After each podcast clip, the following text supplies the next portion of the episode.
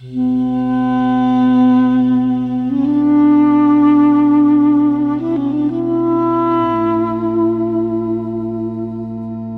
с л о в и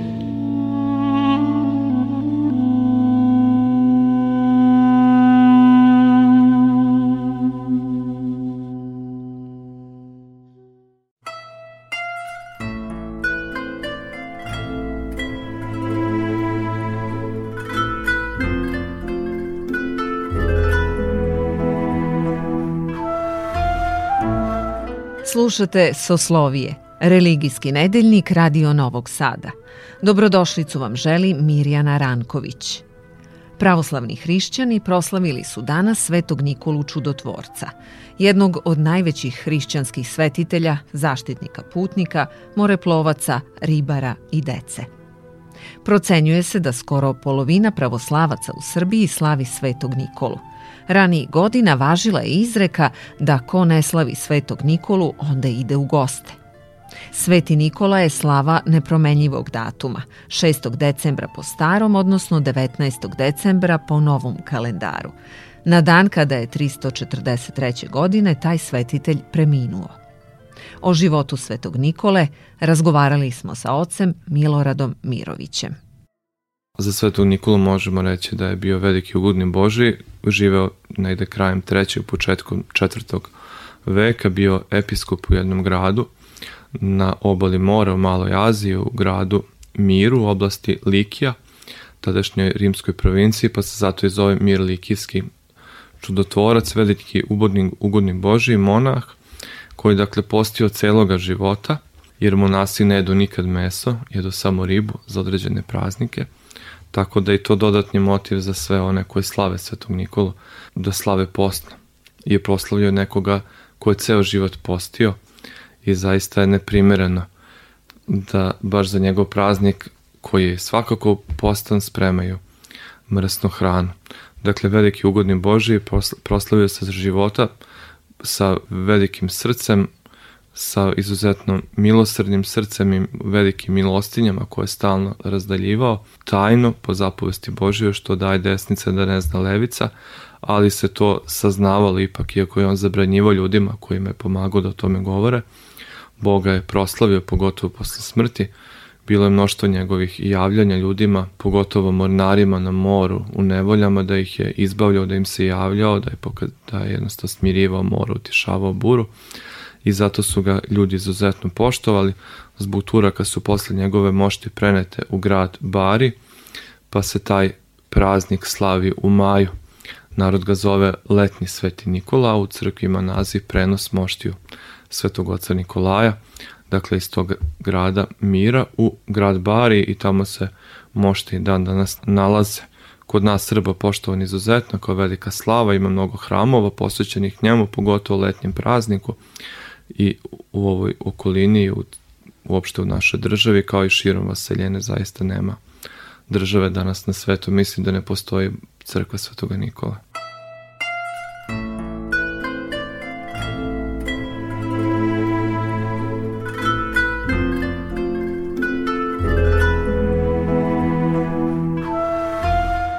U drugom delu Soslovija podsjetit ćemo se kako je o ljudskoj dobroti besedio protojerej Stavrofor dr. Miloš Vesin paroh Južnočikaški i Lensički i profesor na Bogoslovskom fakultetu Svetog Save u Libertvilu.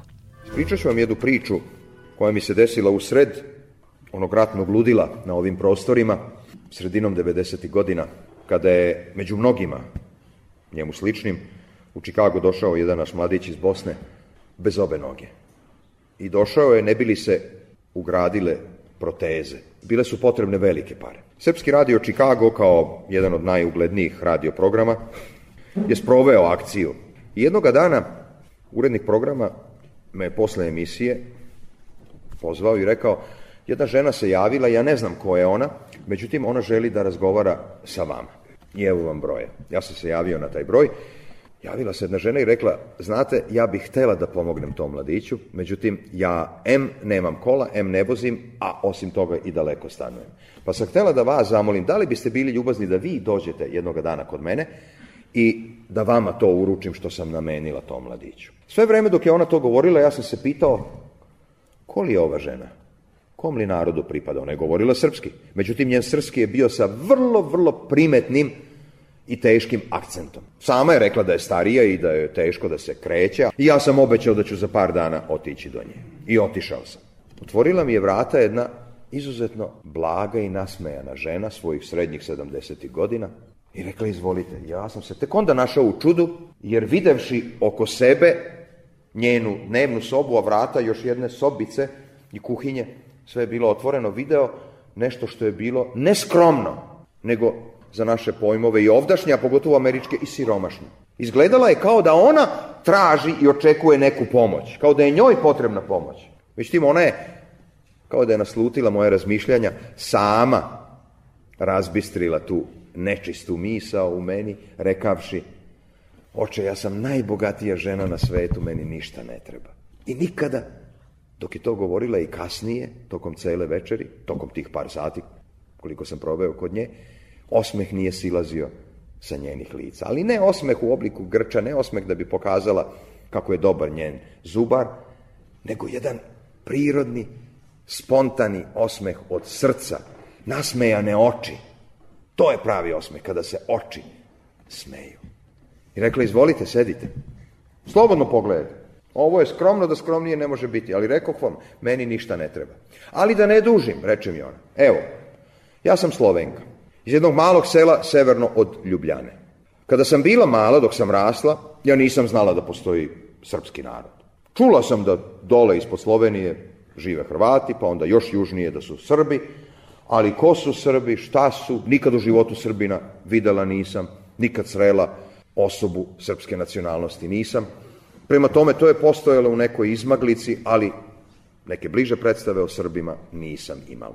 Moja najbolja drugarica, je živela u susednom selu. Selo je bilo samo 6 km od našeg. Dolazi drugi svetski rat. Dolaze Nemci. Prvo su došli u naše selo. Nisu nikog dirali. Ali, ja sam čula da su spremili plan da susedno selo idućeg dana likvidiraju. Od 156 kuća. Nemogući da podnesem pomisao da moje drugarice od sutra neće biti, ja sam istoga časa, čuvši to, otrčala u susedno selo, Išla od kuće do kuće i svakome rekla jednu veliku laž, koja nije bila laž. Pakujte se, Nemci su tu, spremaju napad na vaše selo sutra, kupite sve što imate, idite u Srbiju, tamo vas čekaju kuće i čeka vas zemlja. Pojma nemajući za plan koji je imao i već provodio Milan Nedić. Za izbeglice koji su već pristizali. Nego jednostavno, kao da je po nekom nadahnuću osetila ono što se dešava, mislila je da je to laž, da će time spasti svoju drugaricu i celo to selo, a zapravo je izrekla jednu veliku istinu. Svi su se oni pokupili, otišli prema jugu. Četiri godine ona nije znala šta se dešava sa njenom drugaricom i uopšte sa svim ljudima iz toga sela. Rat se završio, svi se oni vratiše nazad. Ona se prestravila. Kada je čula da su se ti ljudi vratili, Kako ću ja njima pogledati u oči? Kuda sam ja njih to poslala? Kad je otišla da se javi drugarici krišom, kroz neke voćnjake, drugarica je rekla, pa ti znaš šta si ti nama učinila? Ja Jao, ne pitaj me ništa. Ma ne, pa ti znaš kako si ti dobro nama učinila? Ljudi, i brzo nju izvedoše na centar sela, počeše svi da je ljube, da je grle, ona se tek sad našla u čudu. Pa šta je?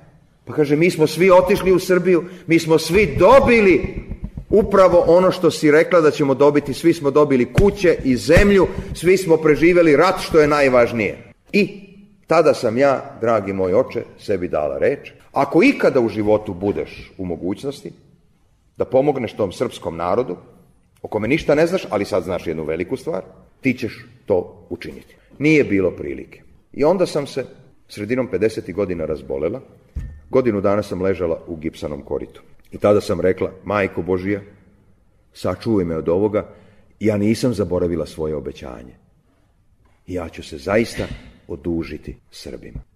Za ono što su učinili prema mojoj najboljoj drugarici i žiteljima susednog sela. 70. godina je otišla u Ameriku, sve vreme je radila u jednoj fabrici gde je prišivala dugmad. Udala se, imala je sina, nije imala mnogo sreće sa tim sinom, penzionisala se, živela više nego skromno i rekla, evo oče, ja sam sada u situaciji nešto da učinim za srpski narod, evo izvolite primiti ovaj koverat od mene, onoliko koliko mogu. Ja više nemam, ali od srca. Krenuo kući ne pogledavši u koverat. Stigavši kući ostavio sam koverat na pisaćem stolu i krenuo za daljim obavezama. I tek uveče kada sam se vratio, ajde da pogledam koverat i zanemeo, videvši da je unutra bio ček od 10.000 dolara, nešto što se apsolutno nije slagalo sa svim onim što sam ja video oko nje. Kasno je bilo, ali sutra dan ujutru ja okrenuh telefon direktora radija i pojedine sveštenike u okolini. Da li neko zna ko je ta žena? Ispostavilo se, tako sam saznao do kraja dana, da je ona od početka rata na prostorima bivše Jugoslavije, Srbima, stradajućim Srbima iz Bosne i Krajine poklonila 43.000 dolara plus ovih 10.000, 53.000 dolara, celu svoju ušteđevinu. I kada smo se sledeći put sreli, onda je rekla, oče, ja sam svoj dug ispunila, ja sada mogu mirno da umrem. Bila je živa i zdrava i dugo je još poživela. Ko svetom Nikolaju služi i slavu sa molitvom združi, Njemu sveti Nikola je svakog časa pomoć daje, nebesku, nebesku. U kog je ljubav k njemu živa i koga u pomoć priziva, izbavlja ga od napasti, ne da mu zlo opasti, sveti te, sveti molitve Molbe nam ti uznesi Pred presto Oca na nebesi Tebe ćemo slaviti Ime Bože hvaliti Na vijeki, na vijeki Ok, tok, njemu pritekaje хто його в помощь призывает, ти не буде тут рождений и грехами заграждений. Николай, Николай, Николай, имя те заименито, побеждаяй победоносно pobježdaje Karijani, utješaje Kristijani, Nikolaj, Nikolaj.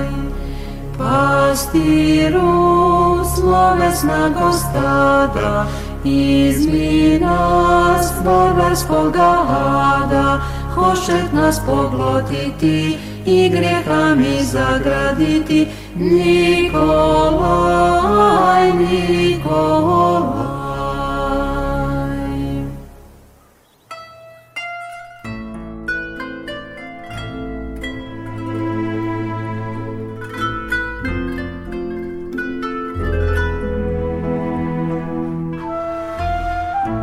Slušate Suslovije, religijski nedeljnik Radio Novog Sada. Najlepši dar ponekad može da bude iskrena zahvalnost. Poruka je druge priče protojereja Stavrofora Miloša Vesina.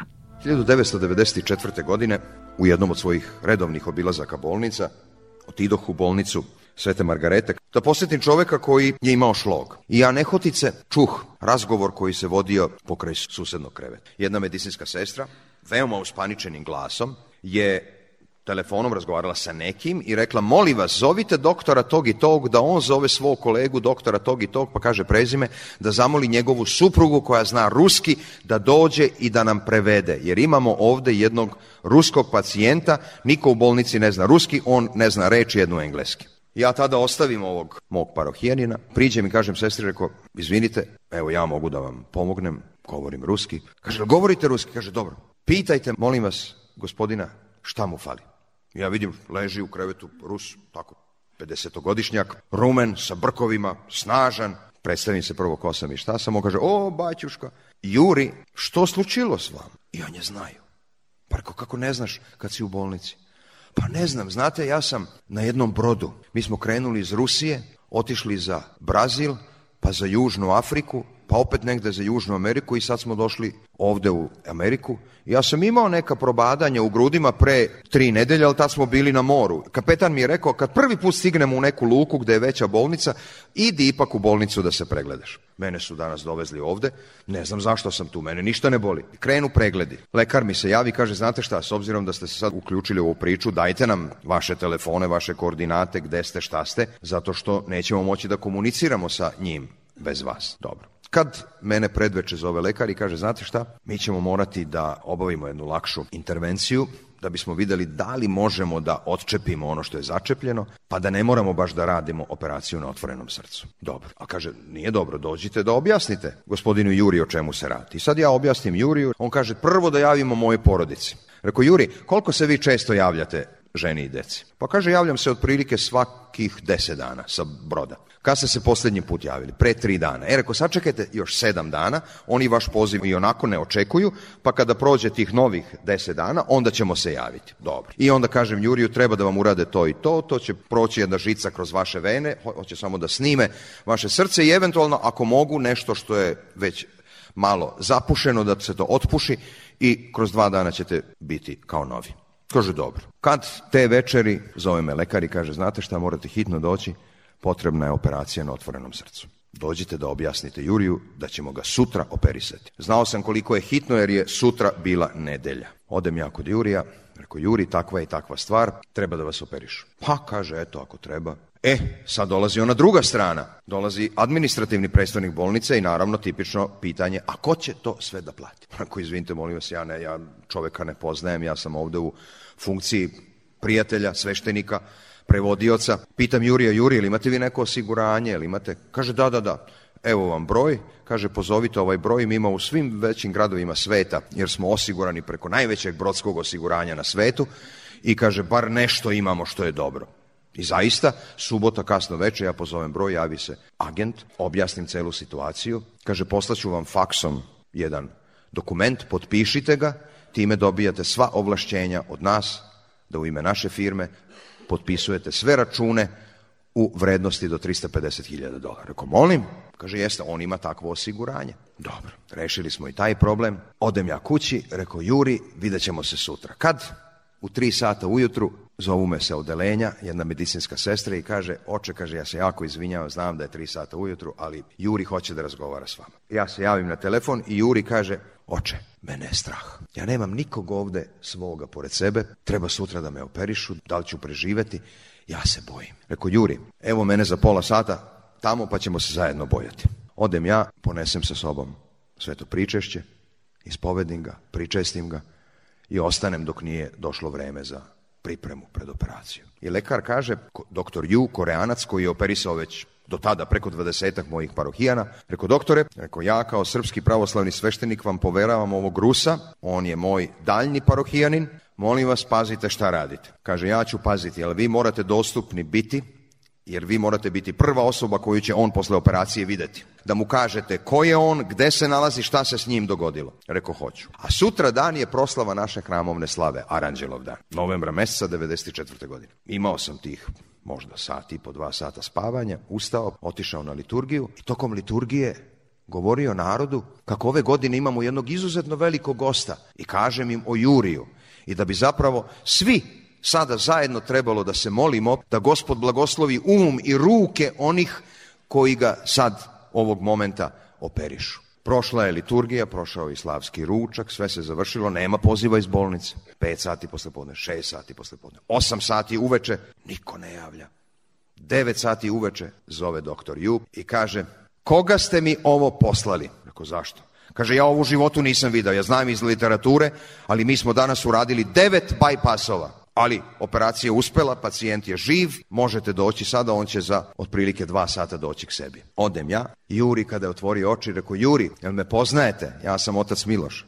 On onako samo blago klimnu glavom, rekao, vi ste Juri, rekao, ruski, mašinista na brodu, imali ste operaciju srca, vi se nalazite u Americi, operacija uspela, postali ste svetski rekorder, devet bajpasova. Mi pravoslavci kad nešto radimo, radimo do kraja. Jedan, dva bajpasa, to može svako. Devet bajpasova. Sad Juri se polako oporavlja, ja svaki dan odlazim. Ali se dešava nešto interesantno. Svakoga dana od petoro do desetoro i dvadesetoro ljudi iz parohije dolazi na moja vrata i kaže evo košulja za Jurija, trenerica za Jurija, 50 dolara za Jurija, 20 dolara za Jurija. Jer Jurija u pantalonama i džemperu došao sa broda bez ičega. Prošlo je nedelju dana, Juri izašao iz šok sobe, počinje lepo da se oporavlja, treba uskoro već da se vade konci. I sad lekar mene pita, dobro, šta će biti sa njim? Njegov brod je odavno već otišao dalje. Šta da radimo s njim? Pa reko, doktore, ja stvarno ne znam koliko možete da ga zadržite dugo. Pa kaže, mogu još 5 dana najviše, on mora da ide negde u neki centar za rehabilitaciju. Kako će kad ne razume i Pa reko ništa, dajte da vidim sa tim osiguranjem njegovim šta je moguće. Osiguranje kaže plaćamo bilo koji hotel. Rekao, znate šta, nije njemu problem da on ode u hotel. Ali ne možete smestiti čoveka u hotel sam da bude. I ja prekrstim se, dođem kući i kažem, Dragana, sedi. Rekao, imat ćemo jednog gosta. Kakvog gosta? Zna ona za Jurija već. I kažem, ja ne mogu tog čoveka da ostavim da ode u hotel, moramo ga dovesti kod nas. Ona ćuti, kaže, da li si ti normalan? Pa ja jedva za tebe, uslovno rečeno zdravog, umem da skuvam nešto i sad treba da kuvam za čoveka koji je imao devet bajpasova. Rekao, to je najmanje važno. Molim te, evo ti spisak, ja sam već napravio spisak, šta da mu kupiš, piđamu, trenerice, pribor za kupatilo, sve, sve, sve, sve. I juri da bude kod nas. Koliko će biti? Rekao, koliko treba da bude? Dok mu se ne povade konci, dok se čovek sasvim ne oporavi, da bude u stanju da krene svoje kući. Odem ja i kažem to Juriju. Juri kaže, ne dolazi u obzir, ja neću da vam smetam. Reko, Juri, vi meni ne smetate. Pa setite se kako smo se zajedno bojali i zajedno molili Bogu da nas Bog straha oslobodi one noći pred operaciju. Jedva je on posle dva sata mog ubeđivanja pristao da dođe.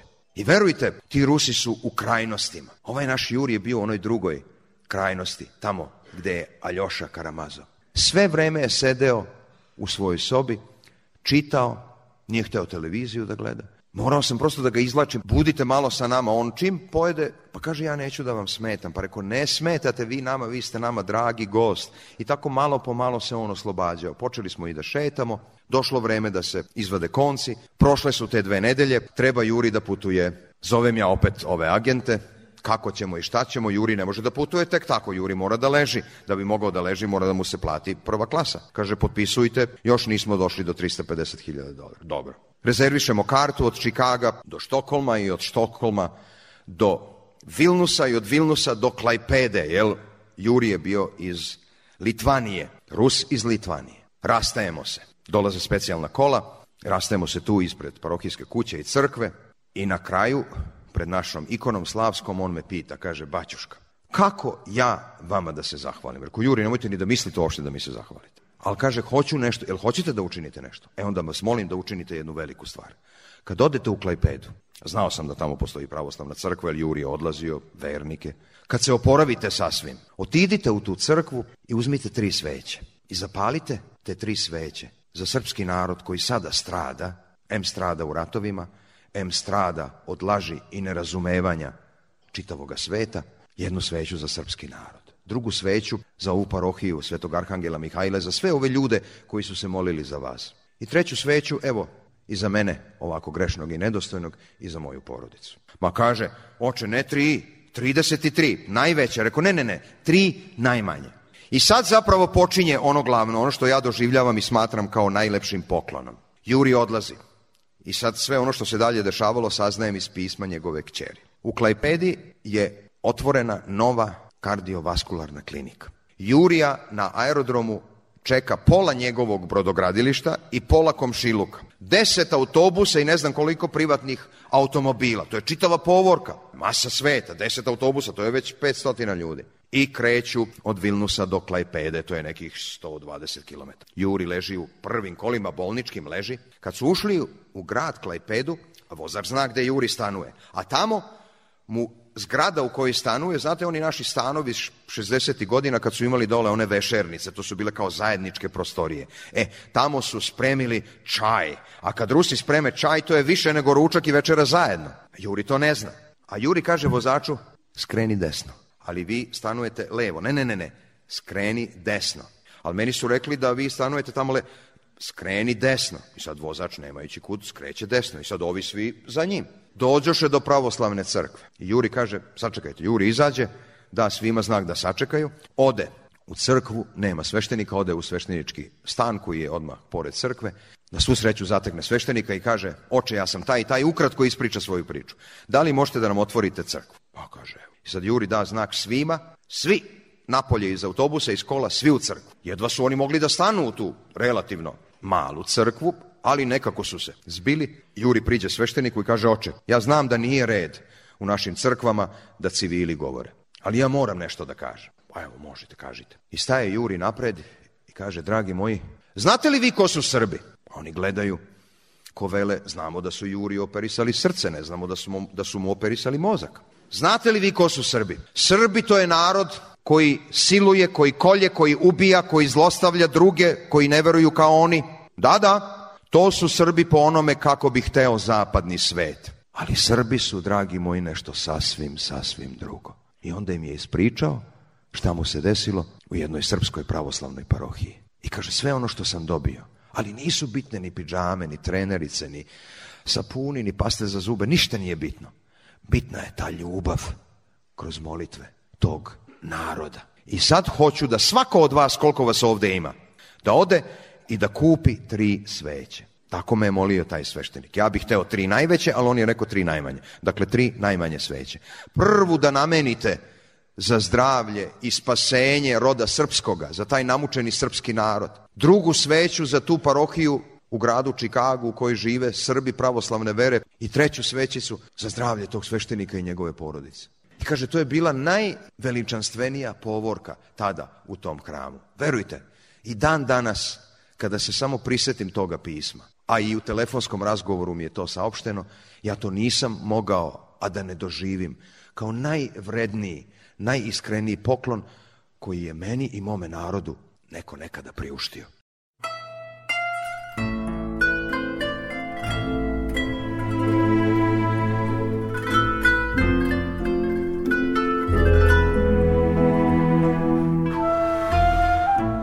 Cilj sportskih takmičenja ne mora uvek da bude pobeda i osvajanje odličija, poručuje protojerej Stavrofor Miloš Vesi. Jedan događaj koji se desio u gradu Seattle u državi Vašington na takozvanim specijalnim olimpijskim igrama. Svake četvrte godine redovne olimpijske igre, onda svake druge zimske olimpijske igre, između toga takozvane specijalne olimpijske igre za one koji su na bilo koji način oštećeni. I tu učestvuju ljudi sa fizičkim, psihičkim i psihofizičkim retardacijama. Manjeg i većeg stepena, ali koji imaju žarku želju da se oprobaju u nekom sportu. Naravno, standardi su tu sasvim drugačiji, propozicije mnogo blaže, čak se stvaraju i mešovite ekipe gde su zajedno i muškarci i žene, starosne dobi su vrlo, vrlo rastegljive i desilo se tako na trci na 50 metara, da je bilo osmoro učesnika, i muškaraca i žena i mlađih i starih. Najmlađi je bio 14 godina, najstarija učesnica je bila 28 godina i sve između toga. Kada su krenuli svi sa starta, taj mališan najmlađi koji je išao ovako skupljenih stopala, ali koji se toliko izvežbao da je mogao sebe osposobio da može tako, ne baš da trči, ali veoma brzo da hoda. Međutim, na prvom koraku on se sapleo jednu nogu od drugu i pao. I onda od besa, od nemoći, od tuge, počeo da udara po zemlji. Ovi ostali su nastavili. Najstarija, jedna crnkinja, koja je bilo 28 godina, kako je trčala, ali u tom trčanju ona je okretala glavu i levo i desno i tako je primetila ovog dečka da je ostao da leži na startu. I onda, kako je Bog dao i visoku i krupnu, raširila ruke i zaustavila ostale učesnike, stanite! I onda su se svi okrenuli i vratili nazad. Prišli ovom dečku, Svi zajedno su ga podigli, on je plakao, ona je počela da mu briše suze i ona je rekla, pa ne budi lud, mi smo došli ovde da se radujemo, a ne da se takmičimo. I onda su njih osmoro stali u jedan red i korak po korak polako krenuli prema cilju. 60.000 ljudi na tom stadionu u gradu Sijatlu, državi Washington, u Americi, je ustalo i u nemoj tišini pratilo i očekivalo šta će sada biti kada svi dođu do cilja, ko će biti prvi, ko će prvi preseći vrpcu. A oni su se dogovorili da niko ne bude prvi, nego kad su došli do vrpce, da satanu svi zajedno i da jednostavno ne daju mogućnost žiriju da proceni čiji je stomak prvi presekao vrpcu, nego svi zajedno da to učine. I žiri je postupio vrlo mudro, davši svakome od njih osmoro zlatnu medalju. Od tada do danas taj slučaj se predaje na svim ozbiljnim trenerskim školama u svetu kao primer zdrave konkurentnosti.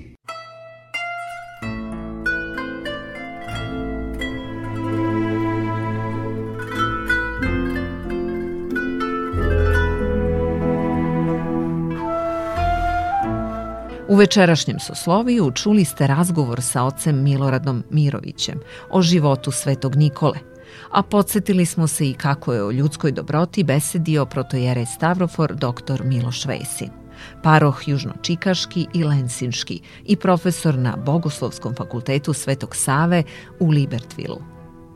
Soslovije realizovali Tonmajstor Iboja Šanca, urednik i autor Mirjana Ranković.